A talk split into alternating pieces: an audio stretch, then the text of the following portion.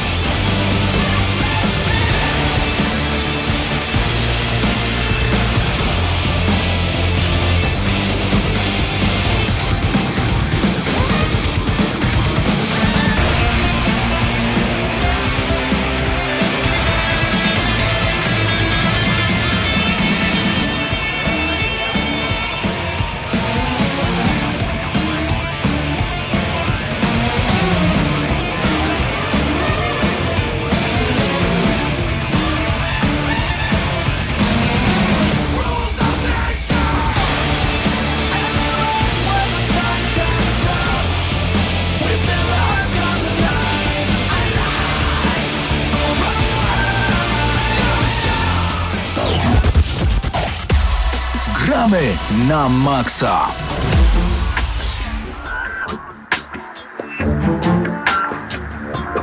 Gramy na maksa z okazji 11 urodzin. Nadszedł czas na top 10 ostatnich 11 lat, czyli sięgamy pamięcią wstecz aż do roku 2006, kiedy to właśnie audycja Gramy na maksa powstawała.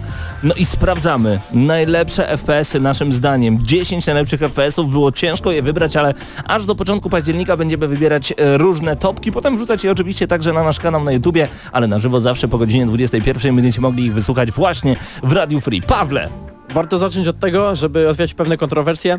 Tytuły, które wybieramy, wybieramy ze względu na ich ciekawość i innowacyjność również. Tak. Nie tylko, to nie są koniecznie wszystkie najlepsze gry z tego gatunku, ale to są najciekawsi przedstawiciele gatunku, którzy pojawili się w ciągu ostatnich 10 lat. I zaczynamy? No i zaczynamy od FPS-ów jako gier, które posuwają do przodu technologię, tak? To są zawsze imponujące technologicznie gry, pięknie wyglądające, szczególnie te z najwyższej półki. No i tutaj nie mogło być innego wyboru niż Crysis z 2007 roku, który pewien sposób e, popchnął tak naprawdę e, e, to, jak powinny wyglądać FPS-y parę dobrych lat do przodu. Bardzo długo zajęło to innym e, markom, żeby dogonić jakkolwiek Crysisa. Do dzisiaj ta gra naprawdę wygląda imponująco, pomimo pewnych e, problemów z cieniami, tak? No tak, do niedawna w ogóle pierwszy Crysis był takim benchmarkiem, jeżeli chodzi o to, co, co mogą nasze PC, nawet te już współczesne. Nawet do dzisiaj, jeżeli mamy dobrą kartę graficzną, e, to nie znaczy, że na przykład Crysis zadziała nam w 4K i 60 klatkach, bo chociaż to jest już stara gra, to nadal potrafi wyglą- wyglądać fenomenalnie, jeżeli, jeżeli włączymy sobie najwyższe możliwe ustawienia. Ale pierwszy Crysis to nie była tylko grafika, e, tylko też rozgrywka oczywiście, e, która już wzbudzała chyba mieszane odczucia, bo... Pół, mm, no nie wiem, półotwarty świat, e, bardzo dużo możliwości wykonania e, zadań. E, mamy, mamy też ten nasz strój, który pozwala nam na wykorzystywanie różnego rodzaju mocy i e, tak naprawdę możliwości technologicznych, które normalnie w FPS-ach nie było. No ale przejdźmy może do... Ja tylko jedno wtrącenie. Czy ja dobrze pamiętam, że kiedy Crysis wyszedł, to nie było jeszcze komputera, który by go pociągnął? W tamtych, w, w momencie premiery nie było. Nie, wydaje mi się, że ktoś musiałby budować jakieś monstra totalne z NASA, żeby to... Pamiętam, Mam że jednego Kowalskiego na pewno nie. specjalnie wypożyczaliśmy bardzo drogi komputer za kilka tysięcy złotych ze sklepu em, i, jaraliśmy się na audycji wiele, wiele lat temu, że mamy kompa, który ruszy Crysisa. To były ruszy. dobre czasy. I ruszyło, tak jest. Kolejne miejsce. Miejsce dziewiąte.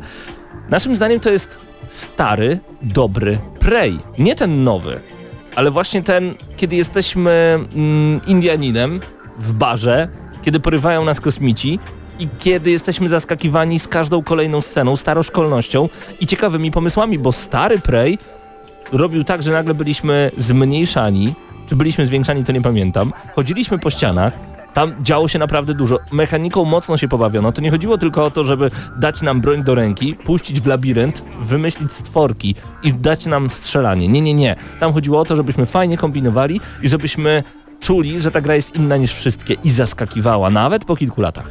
Tak, gra mechanicznie jest bardzo imponująca, mamy te różne dziwne e, zabawy z fizyką, broń, która zmienia nam e, ścianę, która aktualnie jest podłogą. E, to wszystko na pewno robiło wrażenie, ale nie zapominajmy też o designie całej lokacji. E, ob, e, statek obcych wyglądał naprawdę obco, wyglądał tak nieziemsko, jednocześnie Był straszny. te różne mm, elementy porwanych budynków, tam radia, one wszystkie, bo poznawaliśmy tak naprawdę fabułę tego, co się dzieje na Ziemi z relacji radiowych, tych takich strasznych, brzmiących trochę jak ta wojna światów. Tak. Z lat 20. Naprawdę super był klimat w tej grze. I gra potrafiła nawet troszeczkę przestraszyć, chociaż była takim klasycznym shooterem, tak? Takim stylu właśnie Duma, e, który kazał nam, hej, tam są ci źli, tutaj masz broń, która ma 7 trybów, napierdzielaj. Tak jest. E, To nam się naprawdę bardzo podobało, więc na miejscu dziewiątym naszej topki najlepszych FPS-ów ostatnich 11 lat właśnie Prey. Miejsce ósme. Halo 3 dokładnie. W ogóle cała seria Halo powinna się znaleźć na, na takim porównaniu, między innymi dlatego, że Amerykanie to kochają. Ja wiem, że jesteśmy w Polsce, w Lublinie teraz akurat, To znaczy w też między innymi dlatego, że Amerykanie to kochają Mhm. i faktycznie w Polsce chyba Halo nie jest aż tak popularne jak i w zachodniej Europie i właśnie w Stanach. Natomiast y, Halo na pewno zasługuje na, na miejsce na, na liście gier, które zrobiły coś wyjątkowego, bo to jest pierwszy shooter. Oczywiście nie mówię tu o Halo 3, o którym jakby moim zdaniem Halo 3 to jest najlepsza kampania w Halo w ogóle. E, Najbardziej widowiskowa, naj, najlepsze połączenie liniowego shootera, ale nie w 100% korytarzowego, czyli takie idealny shooter e, bez otwartego świata niepotrzebnego i bez niepotrzebnych rzeczy. Natomiast samo Halo w sobie no, jest serią, która zapoczątkowała to sterowanie w shooterach na konsolach, które znamy dzisiaj. Bo przed Halo pierwszym mieliśmy sterowanie jednym drążkiem, jednym analogiem. e, którym zarówno chodziliśmy, jak i celowaliśmy. Na przykład tak jak w GoldenEye było na Nintendo 64. Próbowałem, Natomiast- przepraszam, że ci wejdę słowo, próbowałem odpalić Quake'a dwójkę na pierwszym PlayStation i strajfy pod L2, R2, e, poruszanie No się całą gałką. Mój mózg był za mały, żeby ogarnąć to sterowanie, a Halo, Halo to wszystko zmieniło. Chciałeś coś dodać jeszcze? Znaczy chciałem dodać tylko to właśnie to, że dzisiaj jesteśmy jakby, dla nas to jest normalne, że odpalamy Mhm. jakiegoś shootera na konsoli i gramy właśnie w taki sposób, jaki gramy, że mamy te dwa analogi odpowiedzialne za celowanie, za poruszanie się. W momencie premiery Halo e, jako serii to była po prostu rewolucja i to jakby po, po, na pewno popchnęło do przodu shootery na konsolach. A Halo 3, które jest na naszej liście jako konkretne Halo, e, chyba do dzisiaj jest uznawane przez wielu fanów serii jako najlepszy, nie tylko single, ale też multiplayer. Dodam jeszcze, że właśnie Halo e, to multiplayer, Halo 2 dokładnie, multiplayer na pierwszej konsoli Xbox i to e, dzięki tej grze w ogóle świat się dowiedział, że na konsolach można grać multi i że można grać e, esportowo i, i, i to właśnie zrobiło Halo, więc czapki Tak z głów. Ja- szapoba i dziękujemy. Ja tylko Dobrze, na koniec to chcę teraz- dodać, że marzy mi się jeszcze, żeby tak potraktowali Halo 3 obecni twórcy jak Halo 2, czyli żeby zrobili taki remaster na nowym silniku zupełnie. Byłoby pięknie. Z chęcią. Miejsce siódme przed nami. I idziemy z konsol z powrotem na pecety, ponieważ teraz mamy e, Team Fortress 2. Grę, o której tak naprawdę e, najlepiej powiedzieć, e, że ma to, czego nie ma dzisiaj Overwatch, czyli ma takie serce. Te postaci, które tam mamy, które, których e, banter, jak one się kłócą, to wszystko zapamiętujemy. Ale tu bym się kłócił akurat, czy Balans Overwatch nie ma serca, bo jak e, dla mnie Overwatch też ma swój urok dzięki tym postaciom i tym Owszem, relacjom ale, między... ale ze względu na pewne... Powiedziałbym, Team Fortress 2 jest ostrzejszy. Jest Znaczy- zdecydowanie e, ma mniej zahamowań, jeżeli Tak, chodzi o różnego prawda. rodzaju rzeczy, które słyszymy podczas rozgrywki. I chociaż to nie jest taki pierwsza rzecz, o której myślimy, jak, FP, jak co jest dobre w FPS-ie, tak? No, rozgrywka, strzelanie, ale tak naprawdę tutaj ten klimat, to wszystko jak znamy te postaci, e, które wybieramy, te klasy, one miały, miały swojego, swoją ducha, swój charakter. I no, gra przede wszystkim jest aktywna aż do dzisiaj. Tak jest i jest darmowa, bo na początku nie była darmową grą. Parę lat temu dobrych już zamieniła się w grę free to play, która jest przykładem bardzo dobrego free to playa, bo tak naprawdę wszystko jest tam darmowe, oprócz przedmiotów kosmetycznych, więc to jest na plus. Ale też w- wsadziliśmy jakby tę grę na listę, dlatego że to, to jest taki praojciec wszystkich gier, które nazywamy dzisiaj e, hero shooterami, czyli właśnie Overwatch jest najlepszym przykładem tego współczesnym. I także dlatego, że to był chyba najbardziej taki popularny sieciowy FPS na PC-cie, który zaczął jakoś tam konkurować z CS-em, który był do momentu premiery Team Fortress 2 zawsze królował i brylował wszędzie. Natomiast twórcy pokazali z Valve, że FPS-y sieciowe nie muszą, nie muszą być mroczne, poważne, tylko mogą też oferować przede A to wszystkim wyszło humor. w 2007 roku, czyli w środku tego e, Brawo craze- shooterów tak zwanych, tak, na, strzelanin. nie tylko shooterów. Wszystkie gry były brązowe, szare, smutne. Nudne. A tutaj dużo kolorków, dużo dobrych tekstów i dużo dobrej zabawy. Jak najbardziej e, Team Fortress 2 musiał się znaleźć na miejscu siódmym akurat naszej topki. Czas na miejsce szóste. Moi drodzy, nie ze względu na soundtrack, ale między innymi ze względu na to, jak wyglądał gameplay. Wolfenstein The New Order. Oni po prostu, znaczy w tym samym miejscu mógłby się też znaleźć Doom. Między innymi. Ale Wolfenstein The New Order pokazał, że kiedy pomyśleliście, nie no może wyślijcie mnie jeszcze na Księżyc i znajdow- znajdowaliśmy się na Księżycu. Tak, spoiler, zagrajcie już w tę grę, ona ma kilka lat.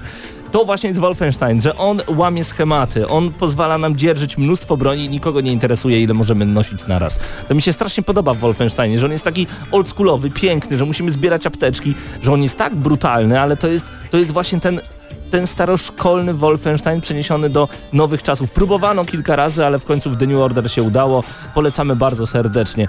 To jest właśnie też ta, ta gra, która sprawiła, że te wszystkie gry, te wszystkie marki, które pojawiły się wcześniej, teraz mogły wrócić. Tak jak wspomniałeś o, o samym tym Dumie nowym, e, Dumie nowo, nowo starym tak naprawdę, bo ta marka już kiedyś była, ale jakby czwórka próbowano ją zrobić, coś nie wychodzi, bo e, sukces trójki też nie był za wielki, ale właśnie powrót i taki jakby odświeżenie tej całej serii y, było właśnie możliwe dzięki Wolfensteinowi The New Order.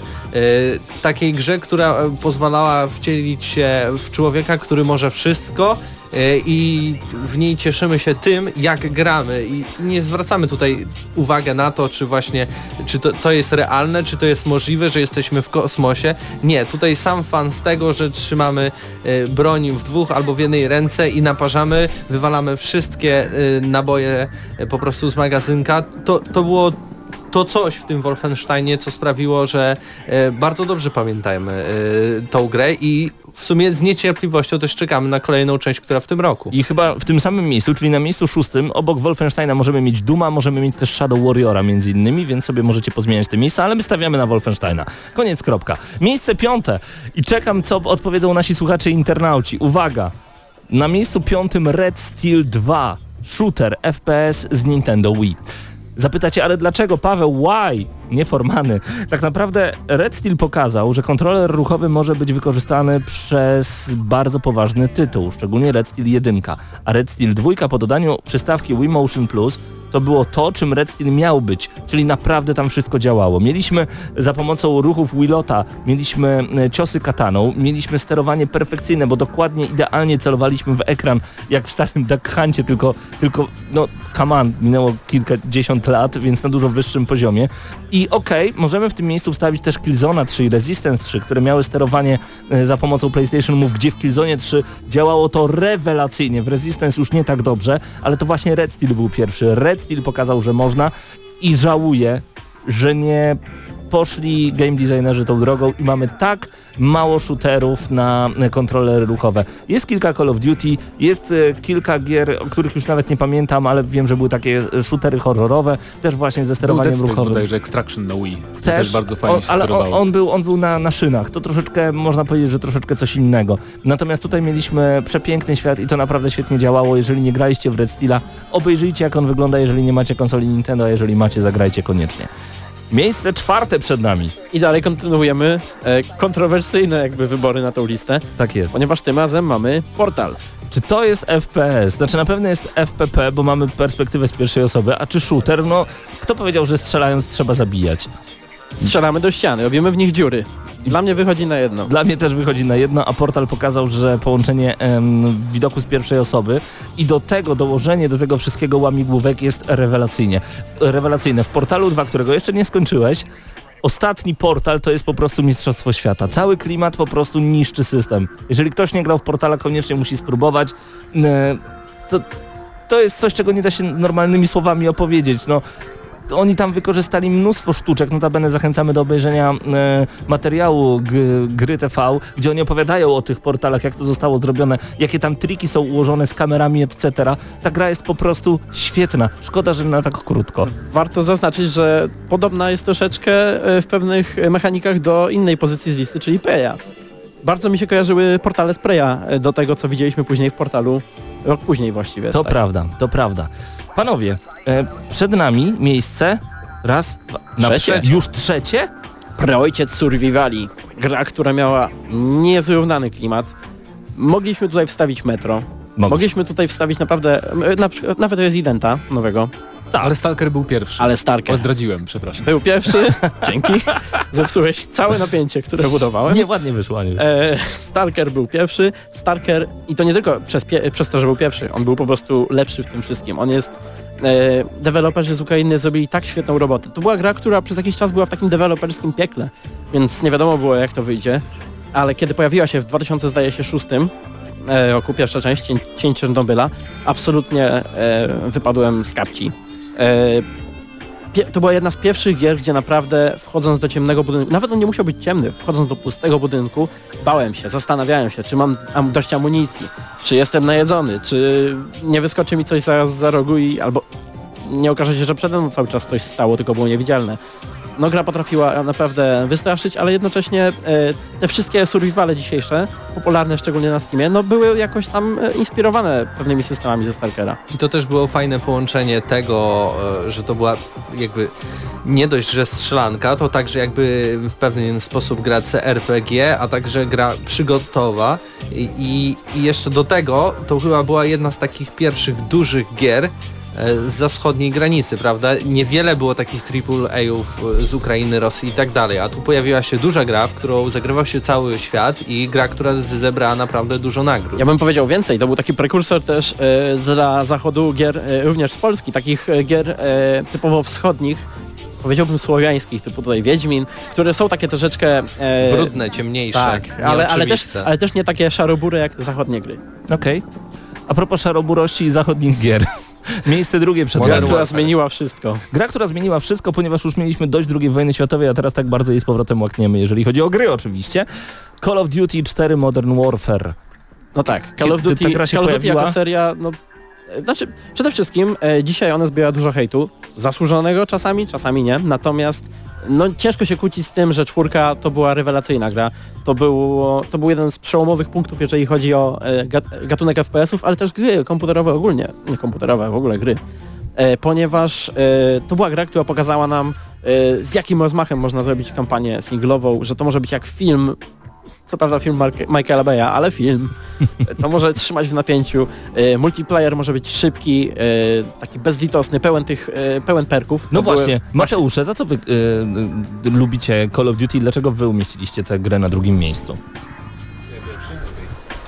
Więc ja zacznę może. Dla mnie Call of Duty 4 to przede wszystkim multiplayer. E, oczywiście single doceniam bardzo, to jest taki helikopter w ogniu dla mnie gier wideo, troszeczkę, ten pierwszy Modern Warfare. Natomiast w multi chyba spędziłem najwięcej czasu ze wszystkich Call of Duty właśnie w czwórce. Liczba tak zwanych tych perków, wszystkich dodatków i tak dalej e, była jak dla mnie idealna w perspektywie całej serii Call of Duty, gdzie dziś tego mamy troszkę za dużo moim zdaniem wszystkiego. Tam były bodajże trzy perki na całą grę, trzy jakieś killstreaki, czyli te nagrody za serię zabójstw. Nie było zbyt wiele dodatków do broni, to wszystko było raczej stosunkowo proste.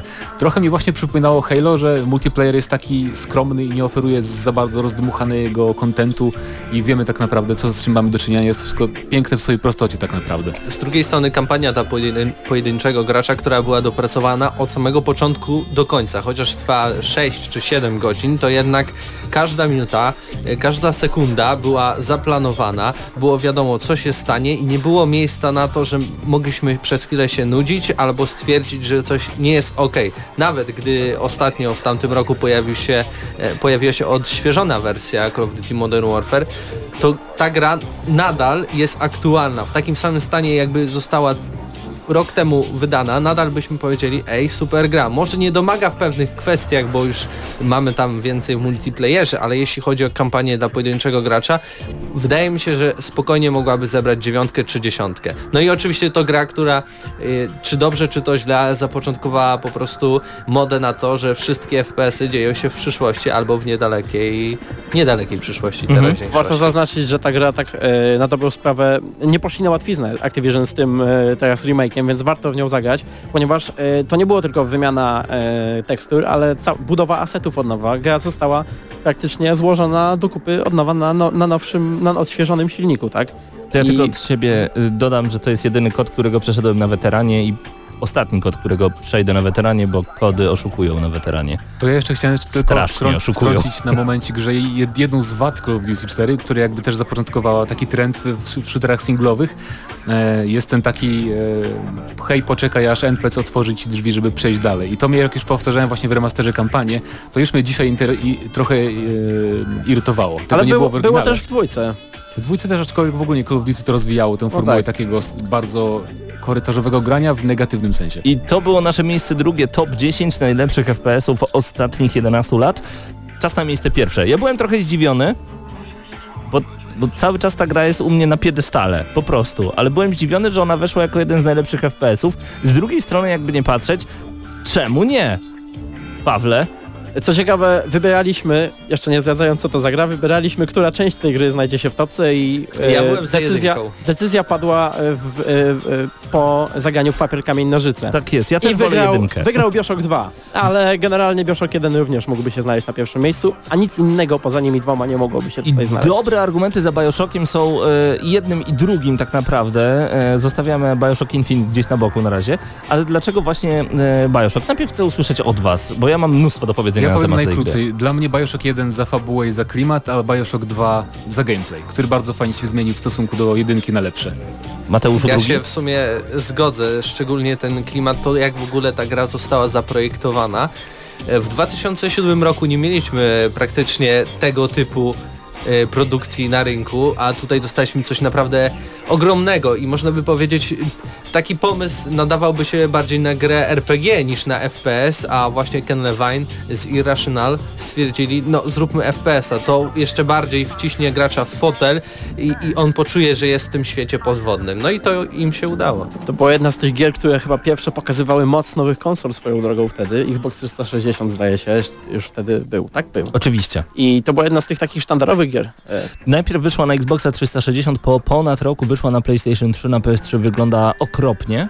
Okropnie. Natomiast no, warto grać w tę grę tylko i wyłącznie na PC, bo, E, bo Szczególnie, że teraz wyszedł remaster. Mamy Tak. nową wersję jedynki i dwójki i e, tak, jedynka, jedynka wprowadzała nas w ten niezwykle ciekawy, e, mroczny, ponury świat, e, który zadawał dużo trudnych pytań. E, co ciekawe, gra wcale nie miała dużo, nie miała wyborów. Ta gra była o tym, że nie ma wyborów, o tym, że nasze wybory nie mają żadnego znaczenia. E, co ciekawe, te zakończenia różne trzy, one zostały narzucone przez wydawcę. Miało nie być różnych zakończeń, nasze wybory naprawdę miały nie mieć żadnego znaczenia. Natomiast e, dwójka jest taką bardziej też osobistą historią, mniej taką epicką, mniej rozpoznawalną, ale mi się wydaje, że bardziej dotykającą gracza. No i co ciekawe, dwójka ma ten multiplayer. Właśnie. Y, Zacznę, że tak powiem, od drugiej strony. Za ten multiplayer strasznie szanuję Bioshocka 2, bo y, kiedy usłyszeliśmy, że Bioshock 2 będzie mieć multiplayer, wszyscy powiedzieli, do tej gry nie ma jak zrobić multiplayera, ta gra to jest hermetyczne i to dosłownie hermetyczne środowisko, zamknięte pod wodą, nieprzeciekalne, natomiast y, nie da się zrobić multiplayera, a okazało się, że da się i że to jest naprawdę świetny multiplayer z wykorzystaniem technik które, y, i gameplayu, który jest zawarty w singlu, czyli mamy y, plazmidy do wykorzystania, czyli specjalne moce na lewej ręce, na prawej ręce mamy bronie, które ulepszamy.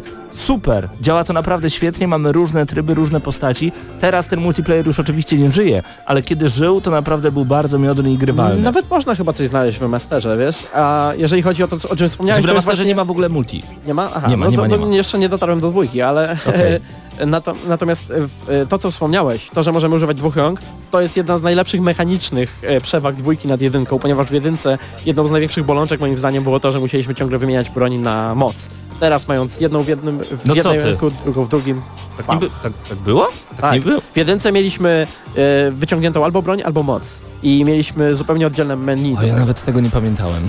No widzisz. Też nie pamiętam, ale jeszcze do, dodam, że chyba te Bioshocki 1 i 2, one przy, szczególnie pierwszy przypomniały, czy tam uświadomiły, że strzelanka po prostu może oferować e, przecudnie głęboki, wciągający klimat i angażującą naprawdę historię jak najlepszy RPG czy gra przygodowa. A Tenenbaum, a Tenenbaum to najlepsza żeńska postać w historii gier komputerowych. Do widzenia. Dodajmy jeszcze e, jeden z najlepszych soundtracków, jaki istnieje w ogóle na świecie, bo to są, to są piosenki Franka Sinatry, między innymi Bobiego Darina, e, Patty Page, tam jest między innymi Andrews Sisters, to są to są kawałki, które ja skatowałem od wyjścia pierwszej części Bioshocka. Dwa lata przed Falloutem i ich pomysłem, żeby zrobić sobie radio. No właśnie i w momencie, kiedy latały nad nami pociski, a my słyszeliśmy How much is the dog in the window od Patty Page, czy By Mir Bystyszun od Andrews Sisters, no to było coś naprawdę rewelacyjnego. E, tak, e, musiałem odpalić sobie teraz e, przed oczami gameplay. Rzeczywiście, nie mogliśmy mieć w tym samym czasie dwóch rąk e, w użyciu.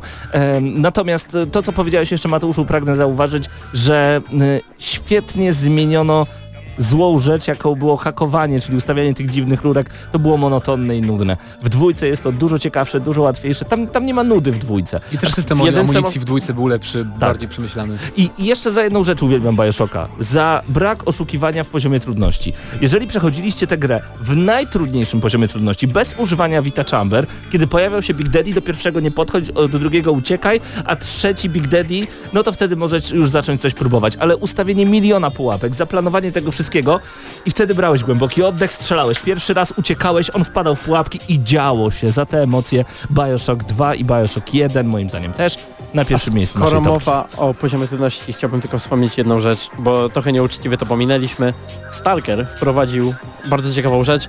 Wraz ze wzrostem poziomu trudności e, malało nie tylko życie e, nasze, ale również przeciwników, więc gra stawała się takim survivalem dosłownym. Strzelaliśmy do siebie na Tak, śmierć. tak więc to to, było nasze top 10 strzelanek. Czekamy na Wasze komentarze e, pod tym filmem, bo ten fragment audycji również pojawi się na YouTubie. Tam możecie nie tylko komentować e, nasze top 10, e, powiedzieć nam, czy coś zabrakło, e, czy coś akurat Wam pasowało, ale pamiętajcie też, że za tydzień zrobimy top 10 innego gatunku, a podejrzewam, że będzie to gatunek RPG, więc jeśli macie jakieś pomysły do tego, jakie gry powinny tam trafić, które były takim czymś przełomowym, no to zapraszamy. Zapraszamy. Ja, ja jeszcze bym tak dodał, jest. że chodzi o top 10 gier z ostatnich 11 lat, więc nie obujrzajcie się na nas, że nie wspominamy o pierwszym Quake'u i tak dalej. I tak System dalej. szoku, chociażby. Czekamy na Wasze komentarze jak najbardziej, czekamy na e, Waszą reakcję, a Wy zaglądacie do nas na grupę Gramy na Maxa Hyde Park. Tam na pewno będą pojawiać się e, kolejne tematy związane z naszymi topkami, a także bardzo prosimy, żebyście zaglądali na nasz fanpage. Tam również ten temat nie zostanie pominięty. Oto nasze top 10.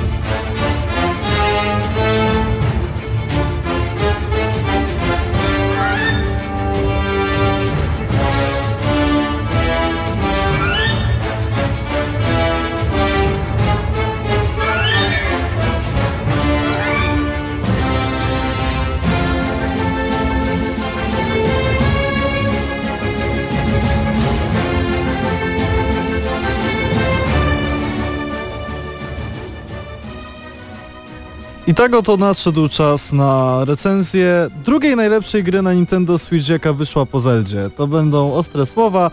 Chodzi mi oczywiście o tytuł dla pojedynczego gracza Mario plus Rabbids Kingdom Battle. Ze mną w recenzji jest Mateusz Zdanowicz. Dobry wieczór, dzień dobry. E, Mateusz Zdanowicz nie grał w pełną wersję gry, natomiast grał na wszelakich targach i na eventach zamkniętych, natomiast ja dostałem e, dzięki akurat uprzejmości polskiego oddziału e, Ubisoftu kopię Mario plus Rabbids Kingdom Battle. O co w ogóle chodzi? E, Mario i Rabbids to mariaż dwóch marek. Nintendo zgodziło się bodajże w 2010 roku po raz pierwszy pojawił się pomysł na to, żeby móc te dwa światy ze sobą połączyć, więc to musiało dojrzeć, musiało minąć kilka platform sprzętowych, nim ten pomysł w ogóle zyskał e, zielone światło i dzięki temu możemy zagrać naszym ulubionym hydraulikiem z czerwoną czapeczką w świecie, w którym są kurliki, ponieważ tak brzmi polskie tłumaczenie rabbidsów, to są takie e, specyficzne, trochę zwariowane króliki, e, specjalnie z tym błędem ortograficznym, ponieważ Rabbids przez, e, przez literkę D w języku oryginalnym w angielskim e, to są postacie, które pojawiały się w e, grach z serii Rayman. E, Tak więc po części świat Raymana w świecie, w świecie Mario i to jest gra taktyczna. To jest pierwsza w historii Nintendo gra taktyczna, jeśli chodzi oczywiście o platformę Switch i pierwsza tak naprawdę tak skomplikowana gra, mm, ponieważ y, mam wrażenie, że Mario plus Rabbids to nie jest do końca gra dla dzieci. Oczywiście dzieciaki będą się prawdopodobnie świetnie bawiły, natomiast y, to jest To znaczy, ja Później tak dosyć ci trudna przerwę gra. na moment i Dawaj. powiem, bo wydaje mi się, że seria XCOM jest już taka dosyć obyta w świadomości graczy, tak Jasne. bardziej mainstreamowej. Właśnie chciałem, żebyś sam do tego nawiązał. E, tak, i wydaje mi się, że jeżeli tak nie wiecie o czym my mówimy, to sobie wyobraźcie właśnie XCOMa, tylko z postaciami ze świata Mario, e, który współpracuje z kurlikami. Dokładnie tak. No Więc nie- to brzmi jak bardzo szalony pomysł i sam, twórcy też przyznają, że to był szalony pomysł od samego początku, ale wyszło z tego coś, co się okazuje czymś zaskakująco dobrym. Ja mówię, tak jak powiedzieliśmy na początku, e, grałem może niecałe dwie godziny w jakieś tam pierwsze etapy i coś trochę ze środka, więc mam doświadczenie tylko z tego, jak wygląda system walki przede wszystkim i jest to kolorowa, zakręcona i bardzo udana wariacja na temat tego, co taki XCOM nam oferuje. Zgadzam się w 100%, ponieważ w Mario Plus Rabbids dostajemy do dyspozycji grupę trzech bohaterów oraz taki e, robot, który wygląda trochę jak e, odkurzacz bezprzewodowy, który tam lata przed nami w jednym tylko z trybów gry, ponieważ mamy do czynienia z dwoma elementami rozgrywki e, i w, jeśli chodzi o walki, które są, można powiedzieć kolokwialnie, toćka w toćkę przeniesione z XCOMa, mamy dodatkowo jeszcze element, który polega na zbieraniu monet, odkrywaniu e, wszelakich e, tam e, ukrytych elementów. Zazwyczaj są to po prostu znajdźki z gry typu utwór. To jest oczywiście w tym momencie słyszycie muzykę z Mario Plus Rabbids, utwór, model postaci i coś, co możemy generalnie sobie później e, oglądać. I chyba możemy też broni elementy ekwipunku czasem znaleźć, prawda? Tak, Bo ogólnie oczywiście. ty mówisz o takim elemencie eksploracji, czyli obserwujemy trochę tak jak w platformówkach. Widok Mario- jest generalnie izometryczny, ale kamera jest w jednym stałym miejscu, które, które się oczywiście akurat zmienia. To znaczy nie możemy kamerą po prostu operować e, i, i nasza trójka e, bohaterów, których sobie akurat wybierzemy do naszego zespołu, e, biega za właśnie tym bezprzewodowym odkurzaczem, o którym powiedziałem. Tak, bo on służy jako, jakby służy za kursor, za którym podąża sznureczek naszych bohaterów i tak się przemieszczamy od walki do walki. Po drodze Dokładnie tak. eksplorując. E, Więc można powiedzieć, że gra wygląda tak, że eksplorujemy świat, zbieramy monety, potem trafiamy na walkę i dalej wykonujemy jakieś zagadki po walce w trakcie tej fazy eksploracji i przechodzimy do generalnie kolejnego pojedynku. Gra jest bardzo długa. E, Ja naliczyłem jakieś 24 godziny. No Nintendo nie, akurat nie, nie ma licznika e, czasu spędzonego w e, grze, więc powiedzmy, że ustawiałem sobie stoper. Nie no, liczyłem oczywiście na oko, ale 24 godziny tego typu rozgrywki to jest naprawdę bardzo długo. Przypominam, że gry z serii XCOM akurat również są długie, są dłuższe, ale biorąc pod uwagę to, że to jest platforma mobilna i, i przenośna, to jest naprawdę bardzo zadowalający wynik. Tym bardziej, że do tej pory gry, które pojawiały się na Nintendo Switch są w jakimś tam stopniu głównie multiplayerowe, to znaczy Mario Kart, który był oczywiście portem z e, Wii U, e, poza tym e, Splatoon 2, poza tym ARMS, wreszcie gra dla pojedynczego gracza. tak, I na dodatek Zeldzie to, to nie jest- jest port. Po Zeldzie to jest pierwszy ekskluzyw tak naprawdę, który oferuje, skupia się tylko i wyłącznie na singlu i to jest na pewno fajne dla tych, którym może nie zależało na potyczkach sieciowych, kiedy kupowali Nintendo Switch, albo którzy czekali z zakupem Nintendo Switch na więcej gier no właśnie singlowych. Ja muszę przyznać, że w Mario plus Rabbids zakochałem się już w momencie oglądania prezentacji tej gry na targach E3 w Los Angeles, ale potem, kiedy miałem okazję zagrać kilka razy w tą produkcję, byłem przekonany, że to będzie hit. I w ogóle się nie pomyliłem. Mam nadzieję, że trochę tego entuzjazmu, który tutaj słyszycie, się przekuje na rzeczywistość. To jest dla mnie obowiązkowa pozycja do zakupu, szczególnie w momencie, kiedy chcemy kupić konsolę. To powinniśmy kupić moim zdaniem na start, jeśli bierzemy pod uwagę tylko i wyłącznie rozgrywkę dla pojedynczego gracza, Zelda i Mario plus Rabbids. Będziecie całkowicie usatysfakcjonowani. Plusy, e, które można wymienić to rewelacyjne, bardzo naturalne, bardzo przyjemne poczucie humoru, które się pojawia w tej grze. Po prostu eksplorując świat widzimy jakieś postacie albo jakieś elementy e, które, świata, które są albo zrujnowane, albo postacie, które się beztrosko bawią i obserwujemy po prostu zachowanie naszej ekipy na to, co się dzieje. Do tego e, tak naprawdę całkiem e, znośny i przyjemny wątek fabularny, który wcale nas nie męczy. Każdy z etapów, które są tak naprawdę długie, kończy się e, dosyć satysfakcjonującą potyczką z bossem, który jest na dodatek przyjemnie zaprojektowany i każdy się charakteryzuje w jakiś taki ciekawy sposób. E, Każdy zostaje w pamięci, a to jest chyba tak naprawdę największy plus tego typu rozwiązań. Do tego nie mam się do czego przyczepić tak naprawdę. Trochę błędów technicznych się pojawia. To znaczy, czasem zdarza się, że nasza postać wykona strzał, który wydaje nam się, że nie powinien powiedzmy trafić, ponieważ e, gra ewidentnie prześwietla nam tak jakby blok. Tam jest w tej grze cały system chowania się za przeszkodami oraz unikania e, wszystkich możliwych strzałów ze strony przeciwnika oraz uderzeń. E, Czasem ten strzał jakoś przeniknie, czasem gra straci klatki animacji, ale jest niesamowicie satysfakcjonująca. E, Podstawowe elementy e, rozgrywki w trakcie walki, czyli przeskakiwanie z brzucha naszego towarzysza w inną część mapy, poza tym strzelanie miodem, strzelanie kałamarzem w przeciwników, odpychanie, robienie jakichś takich kombo strzałów, typu ktoś leci w powietrzu, a my do niego strzelamy i postać wykonuje te ruchy automatycznie. To jest naprawdę śliczne, bardzo przyjemne i rewelacyjne. Gra na dodatek wcale nie jest łatwa, w połowie rozgrywki robi się dosyć trudna, tak mniej więcej pod koniec drugiego świata już jest wymagająca. Mamy do czynienia bodajże z pięcioma światami, o ile dobrze pamiętam. E, więc mamy jeszcze na dodatek Easy Mode, gdybyśmy e, mieli jakieś problemy, albo gdy powiedzmy dzieciaki miałyby ochotę pograć Mario Rabbids, też jest dla nich rozwiązanie. Jedynym po, poważnym minusem jest to, że gra nie została spolszczona, więc e, automatycznie to grono odbiorców em, powiedzmy w naszym kraju jest w jakimś stopniu utracone, e, szczególnie tych młodszych, natomiast jeśli ktoś kuma angielski, kuma angielski nieźle, to naprawdę ubawi się w przednio. Mateuszu, To jest, to jest, ja chciałem jeszcze powiedzieć, że to jest, Mów. wydaje mi się, że to jest taka gra e, dla ludzi, których może odrzucają strategie taktyczne, kiedy w ogóle, słyszą o takim gatunku. To może być dobra gra na wejście do, do tego typu produkcji, bo ona zgadza. przede wszystkim, tak jak powiedziałeś, jest długa jak na e, taką normalną, współczesną grę, bo 20 parę godzin, ale w, w, zestawieniu z takimi typowymi grami taktycznymi jest krótka, tak? bo one potrafią zajmować nam kilkaset godzin, więc to jest idealna pozycja wyjściowa. Ma też ten przyjemny humor, który mi też się podoba w tej grze, że, bo były obawy co do humoru, czy on nie będzie zbyt przesadzony przez te króliki, czy to nie będzie takie zbyt dosadno, trochę takie no niepasujące do świata Mario, a twórcom udało się bardzo zachować charakter wszystkich postaci, które mamy z uniwersum Mario i nie przesadzić z tym e, na przykład, że rabicy przebierają się za księżniczkę Peach i za inne postaci i to wszystko do siebie bardzo pasuje i jest urocze, jeżeli można użyć takiego słowa. Dokładnie. Wszystko jest generalnie utrzymane w dobrym smaku. E, Moja ocena jest krótka, dziewiątka, jakiś tam znak jakości ze strony gramy na maksa w kierunku Nintendo. Serdecznie polecam, naprawdę to jest pozycja obowiązkowa dla posiadaczy tej platformy.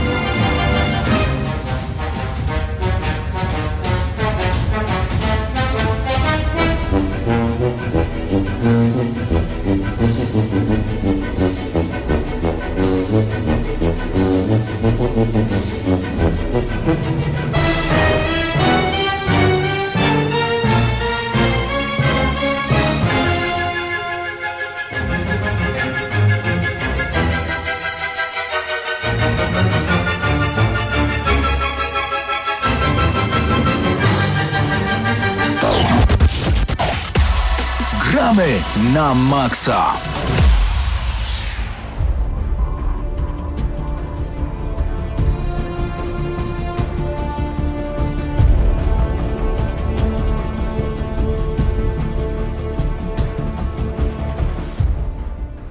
Gramy na maksa, czas na recenzję dodatku do XCOM 2, który nazywa się War of the Chosen. On chyba nie ma polskiej nazwy z tego co mi wiadomo. Zadebiutował 29 sierpnia, czyli co ciekawe tego samego dnia, którego debiutowała poprzednia nasza gra, którą recenzowaliśmy, czyli Kurliki, Mario i Kurliki. Też taktyczna produkcja trochę przypominająca właśnie XCOMa.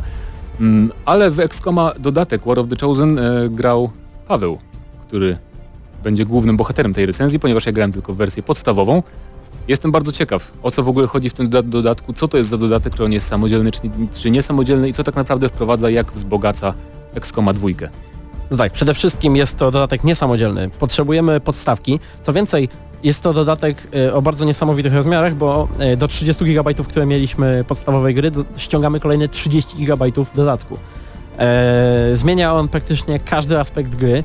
E, tak naprawdę modelując ją na coś nowego, na nowe doświadczenie. T- Ta gra zaczęła jako e, XCOM 3, później dopiero zdecydowano się na zrobienie jednak dodatku. E, Jeżeli chodzi o to, jak on jest zaimplementowany, gracze PC-towi szczególnie nie muszą się martwić. E, Launcher pozwala nam odpalić podstawkę i dodatek niezależnie od siebie, więc jeżeli gramy jakąś kampanię z modami i tak dalej, nie musimy z niej rezygnować dla dodatku. Natomiast co mamy w tym dodatku? E, Pojawia się dużo nowych przeciwników, dużo nowych e, stronnictw i żołnierzy, którzy mogą do nas dołączyć. No i może zacznijmy od nich. E, Pojawia się ten ruch oporu, który jest poza XCOMem. Są to trzy frakcje, żniwiarze, renegaci i templariusze. Dają nam oni, w zależności od tego, jak z nimi współpracujemy, jak im pomagamy na tajnych operacjach, dają nam oni różnego rodzaju bonusy na świecie, które, nam, które mogą być bardzo przydatne. Na przykład to, że licznik czasu e, w misji, licznik tur, nie włącza się dopóki nie zostaniemy wykryci. To jest mega przydatne. Mamy dużo tego typu misji. Dodatkowo ich e, dwie najważniejsze rzeczy, jeżeli chodzi o, te, e, o ten ruch oporu, to to, że dają nam nowych żołnierzy. Są to specjalne trzy jednostki. Żniwiarz, renegat i templariusz. E, Żniwiarz to taki e, cichy snajper, który, e, którego bardzo ciężko wykryć. Tak naprawdę jest tak bardzo niewykrywalny, że w jednym małym pokoju może ganiać się z grupą przeciwników i go nie zobaczą. Mamy renegata, który jest e, jedną, jednym z żołnierzy Adwentu, czyli tych sił, przeciwko którym walczyliśmy w oryginalnym XCOMie, który zdecydował się na dezercję i dołączył do mm, ruchu oporu. E, Jest bardzo przydatny w bliskich starciach, natomiast e, ostatnia, ostatnia jednostka to taki już typowy e, e, wojownik w, walczący wręcz, którego porównuje się z wyglądu do serii Halo. Jest to Templariusz, który wali, takimi, e, wali przeciwników takimi wielkimi laserowymi nożami. Rękawicami, nożami, tak, okej. niech Czyli będzie. powiedziałbyś, że te jednostki nowe wprowadzone są najsilniejszymi. Jakie w ogóle możemy sobie zrekrutować do naszych oddziałów? szczególnie na początku e, zmieniają one całkiem balans rozgrywki. Mamy, tak, mamy, mamy takich żołnierzy od razu, na których możemy polegać. To bardzo pomaga graczom, którzy mieli problem w podstawce z e, dużym poziomem trudności na początku oraz w późniejszych częściach kampanii, kiedy e, tak jakby poziom trudności skakał w pewnych momentach, tak? A, no bo też zauważmy, że Wygładza bardzo ten, e, ta, ta, ten dodatek. jakby War of the Chosen to jest dodatek, który nie oferuje nam jakby osobnej przygody, że sobie klikamy nową kampanię War of the Chosen, tylko on wprowadza te wszystkie nowe elementy, których jest bardzo dużo, do podstawowej kampanii z XCOMa 2, czyli do, do walki z Adwentem. Tak, zostaje to zintegrowane. I teraz tak, e, ruch oporu ma zadań, za zadanie, przede wszystkim, poza tym, że daje nam nowych, świetnych żołnierzy, e, pomóc nam odnaleźć wybranych. Wybrani to, czy wybrańcy, nie grałem niestety w polską wersję, e, są to e, specjalni obcy, wzorowani troszeczkę na systemie e, Nemesis Shadow of Mordor, którzy, ataku, e, którzy mogą pojawić się w każdej dowolnej misji i zepsuć nam dzień. Są bardzo potężni, mają e, niesamowite zdolności, co więcej, nie zawsze chcą nas e, wybić. Czasami po prostu złapią któregoś z naszych żołnierzy i go porwą. Potem możemy go odbić, mamy taką opcję.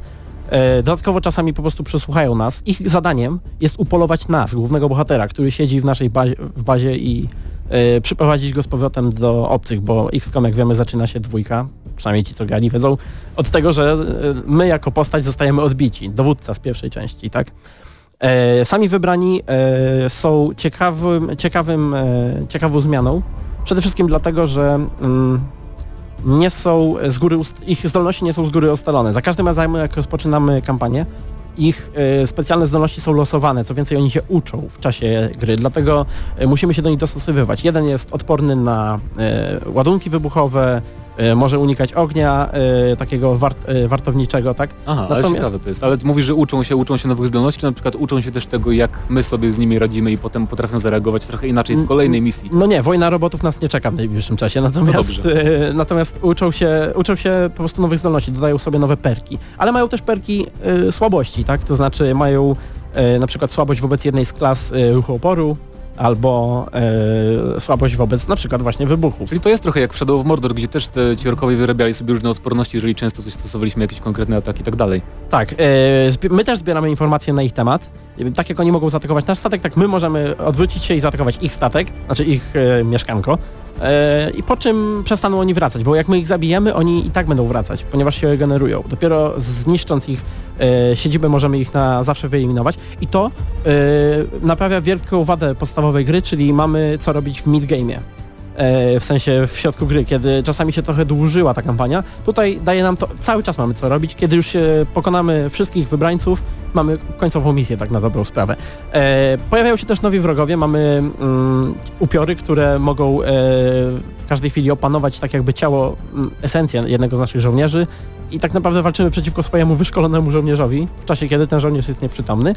E, mamy e, czyścicieli, którzy miotaczem ognia e, zepsują nam dzień, ponieważ ogień, jak wiemy, blokuje wszystkie umiejętności w XCOMie oraz e, kapłanów. Kapłani używają, tak jak my, mocy psionicznych, dlatego te jednostki, wydaje się, że tylko trzy jednostki, ale prawda jest taka, że XCOM zawsze jest był grą e, bazującą na tym, jak e, układały się mm, relacje pomiędzy poszczególnymi żołnierzami naszymi oraz przeciwnika. Wprowadzić trzy nowe jednostki to całkowicie zniszczyć całego balans. schematu i tak. nieprzewidywalność. Ale chciałem też cię zapytać, bo wiem, że jest jeszcze jeden typ wrogów i oni nazywają się po angielsku The Lost, Zagubieni. Lost, to jest coś w Zagubieni. stylu hordy zombie w dużym skrócie, prawda? Tak, e, to są e, takie zombiaki, które nie wybierają, to znaczy to nie są obcy, to są ludzie, którzy zostali zamienieni w zombie podczas pierwszej inwazji obcych i atakują zarówno nas, jak i siły Adwentu, czyli naszych przeciwników. E, można to bardzo wykorzystać. Zmieniają niezwykle rozgrywkę, ponieważ e, jest, o ile jest ich dużo, łatwo ich zabijać, tak? Jeżeli ich zabijemy bronią główną, dostajemy automatycznie następną akcję wolną i możemy zabijać ich w nieskończoność, dopóki nie skończy nam się amunicja. E, natomiast e, potrafią przytłoczyć, ale e, są też takim elementem taktycznym, który możemy wykorzystać przeciwko wrogowi. Możemy rzucić e, na przykład wabik, tak żeby sprowadzić hordę mm, tych zagubionych e, przeciwnikom na głowę. Poradzą sobie, zazwyczaj, ale nie zawsze i my w tym czasie możemy e, dokona- wykonać cen misji, I ponieważ to już, to już e, samo w sobie byłoby dobrym dodatkiem na samo pojedyncze DLC, taka horda pseudo-zombie. Tak, a y, generalnie ta horda oraz inne zmiany w tym dodatku sprawiają troszeczkę, że bardziej czujemy e, presję e, podczas kampanii. Przede wszystkim już nie zawsze e, chcemy wyczyścić mapę z przeciwników. Dużo częściej zdarzało mi się po prostu przebiec, złapać e, mój cel i uciec. E, Wprowadzono jeszcze kilka ciekawych zmian, innymi relacje pomiędzy naszymi żołnierzami. Nasi żołnierze e, mogą, jeżeli biorą udział w trudnych walkach, jeżeli razem wychodzą z jakichś bardzo trudnych misji po poranieni, ale żywi, zwiążą się relacją, która sprawi, że będą mogli sobie pomagać, będą mieli specjalną umiejętność, która jest dzielona między nimi. Tą e, umiejętność tę można rozwijać. Czyli w dużym skrócie podobać. bardziej boli jeszcze strata, strata weteranów, którzy są ze sobą Tak, ponieważ, zżyci. ponieważ jeżeli jeden ze zżytych weteranów zginie, drugi wpadnie w depresję. Mamy dużo nowych perków właśnie między nimi. E, generalnie e, ze zmian tych dużych to tak naprawdę tyle. Mamy na przykład system plakatów, co jest bardzo ciekawą w sumie sprawą, ale mm, niekoniecznie Ale wpływa to już gracze sobie rozgrywkę. odkryją na własną Tak, rękę takie to są, to są takie drobnostki. E, można dużo bardziej rozwijać, też personalizować tych żołnierzy pod tym kątem umiejętności, ponieważ mamy budynek, który pozwala nam umiejętności spoza klas dawać im. Co e, bardzo, bardzo mocno zmienia rozgrywkę. Mamy, e, dostają oni nową statystykę, inteligencję, która sprawia, e, która decyduje o tym, jak szybko uczą się nowych umiejętności i zbierają te punkty. Tego jest tyle, że ja powiem, że z chęcią kupię sobie w najbliższym czasie ten właśnie dodatek, bo muszę przejść jeszcze raz XCOMa 2 i tak, ale jakbyś No miał tak, podsumow- w- podsumować, W tym momencie e, XCOM 2, który tak naprawdę był rewelacyjną grą, e, jak dla mnie w sobie, spokojnie tak 9 jest. na 10, tak? E, bardzo ciężko mi ocenić tutaj War of the Chosen, ponieważ mm, ciężko mi znaleźć wady. To nie jest... E, to nie jest gra, oczywiście są jakieś bugi, crashe, czasami, znaczy crashe akurat nie miałem, ale są jakieś bugi, tutaj jakieś e, błędy graficzne, natomiast e, Tego się nie odczuwa, a jest to najdoskonalsza gra taktyczna, jaka wyszła w ostatnich latach. Jest to najlepszy XCOM, jaki wyszedł kiedykolwiek. No tak, I i tak też powiedzmy, że dodatek- oceniamy dodatek jako dodatek na tle innych to, dodatków. Tak, dodatek, ale też dodatek, którego nie da się oceniać oddzielnie bez e, podstawki. Dlatego razem z podstawką dodatek e, stanowi po prostu perfekcyjną grę w swoim gatunku i dlatego myślę, że mógłbym się pokusić o wystawienie oceny 10 na 10. Wykopam na chwilę w gramy Maxa 10 na 10 dla XCOM 2 War of the Chosen.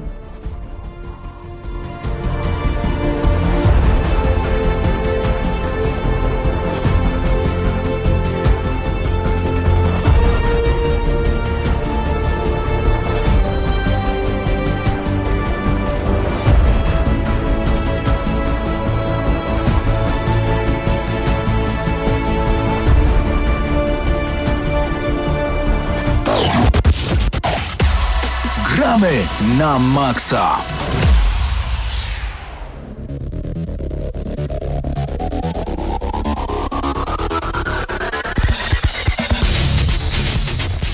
Niestety już mija godzina 21, powoli wchodzimy w godzinę 22. To była audycja Gramy na Maxa, za nami top 10 najlepszych FPS-ów ostatnich 11 lat. A dlaczego 11 lat? No bo oczywiście e, Gramy na Maxa w przyszłym miesiącu kończy 11 urodziny. E, za tydzień będzie kolejna część jakby naszych e, top 10 najlepszych gier, tylko że wybierzemy inny gatunek.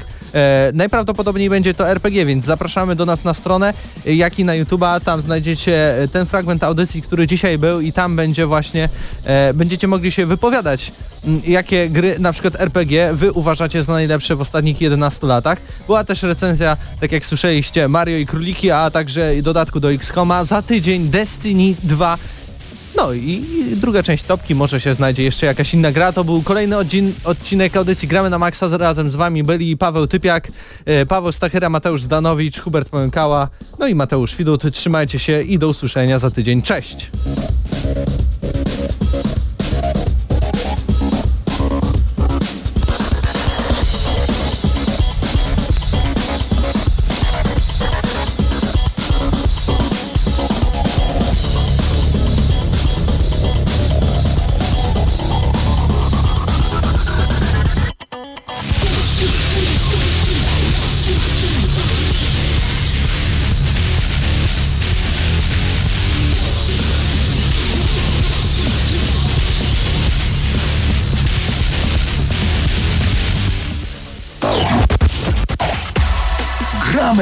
Na maksa. Hity non-stop. Radio Free. 89,9 FM.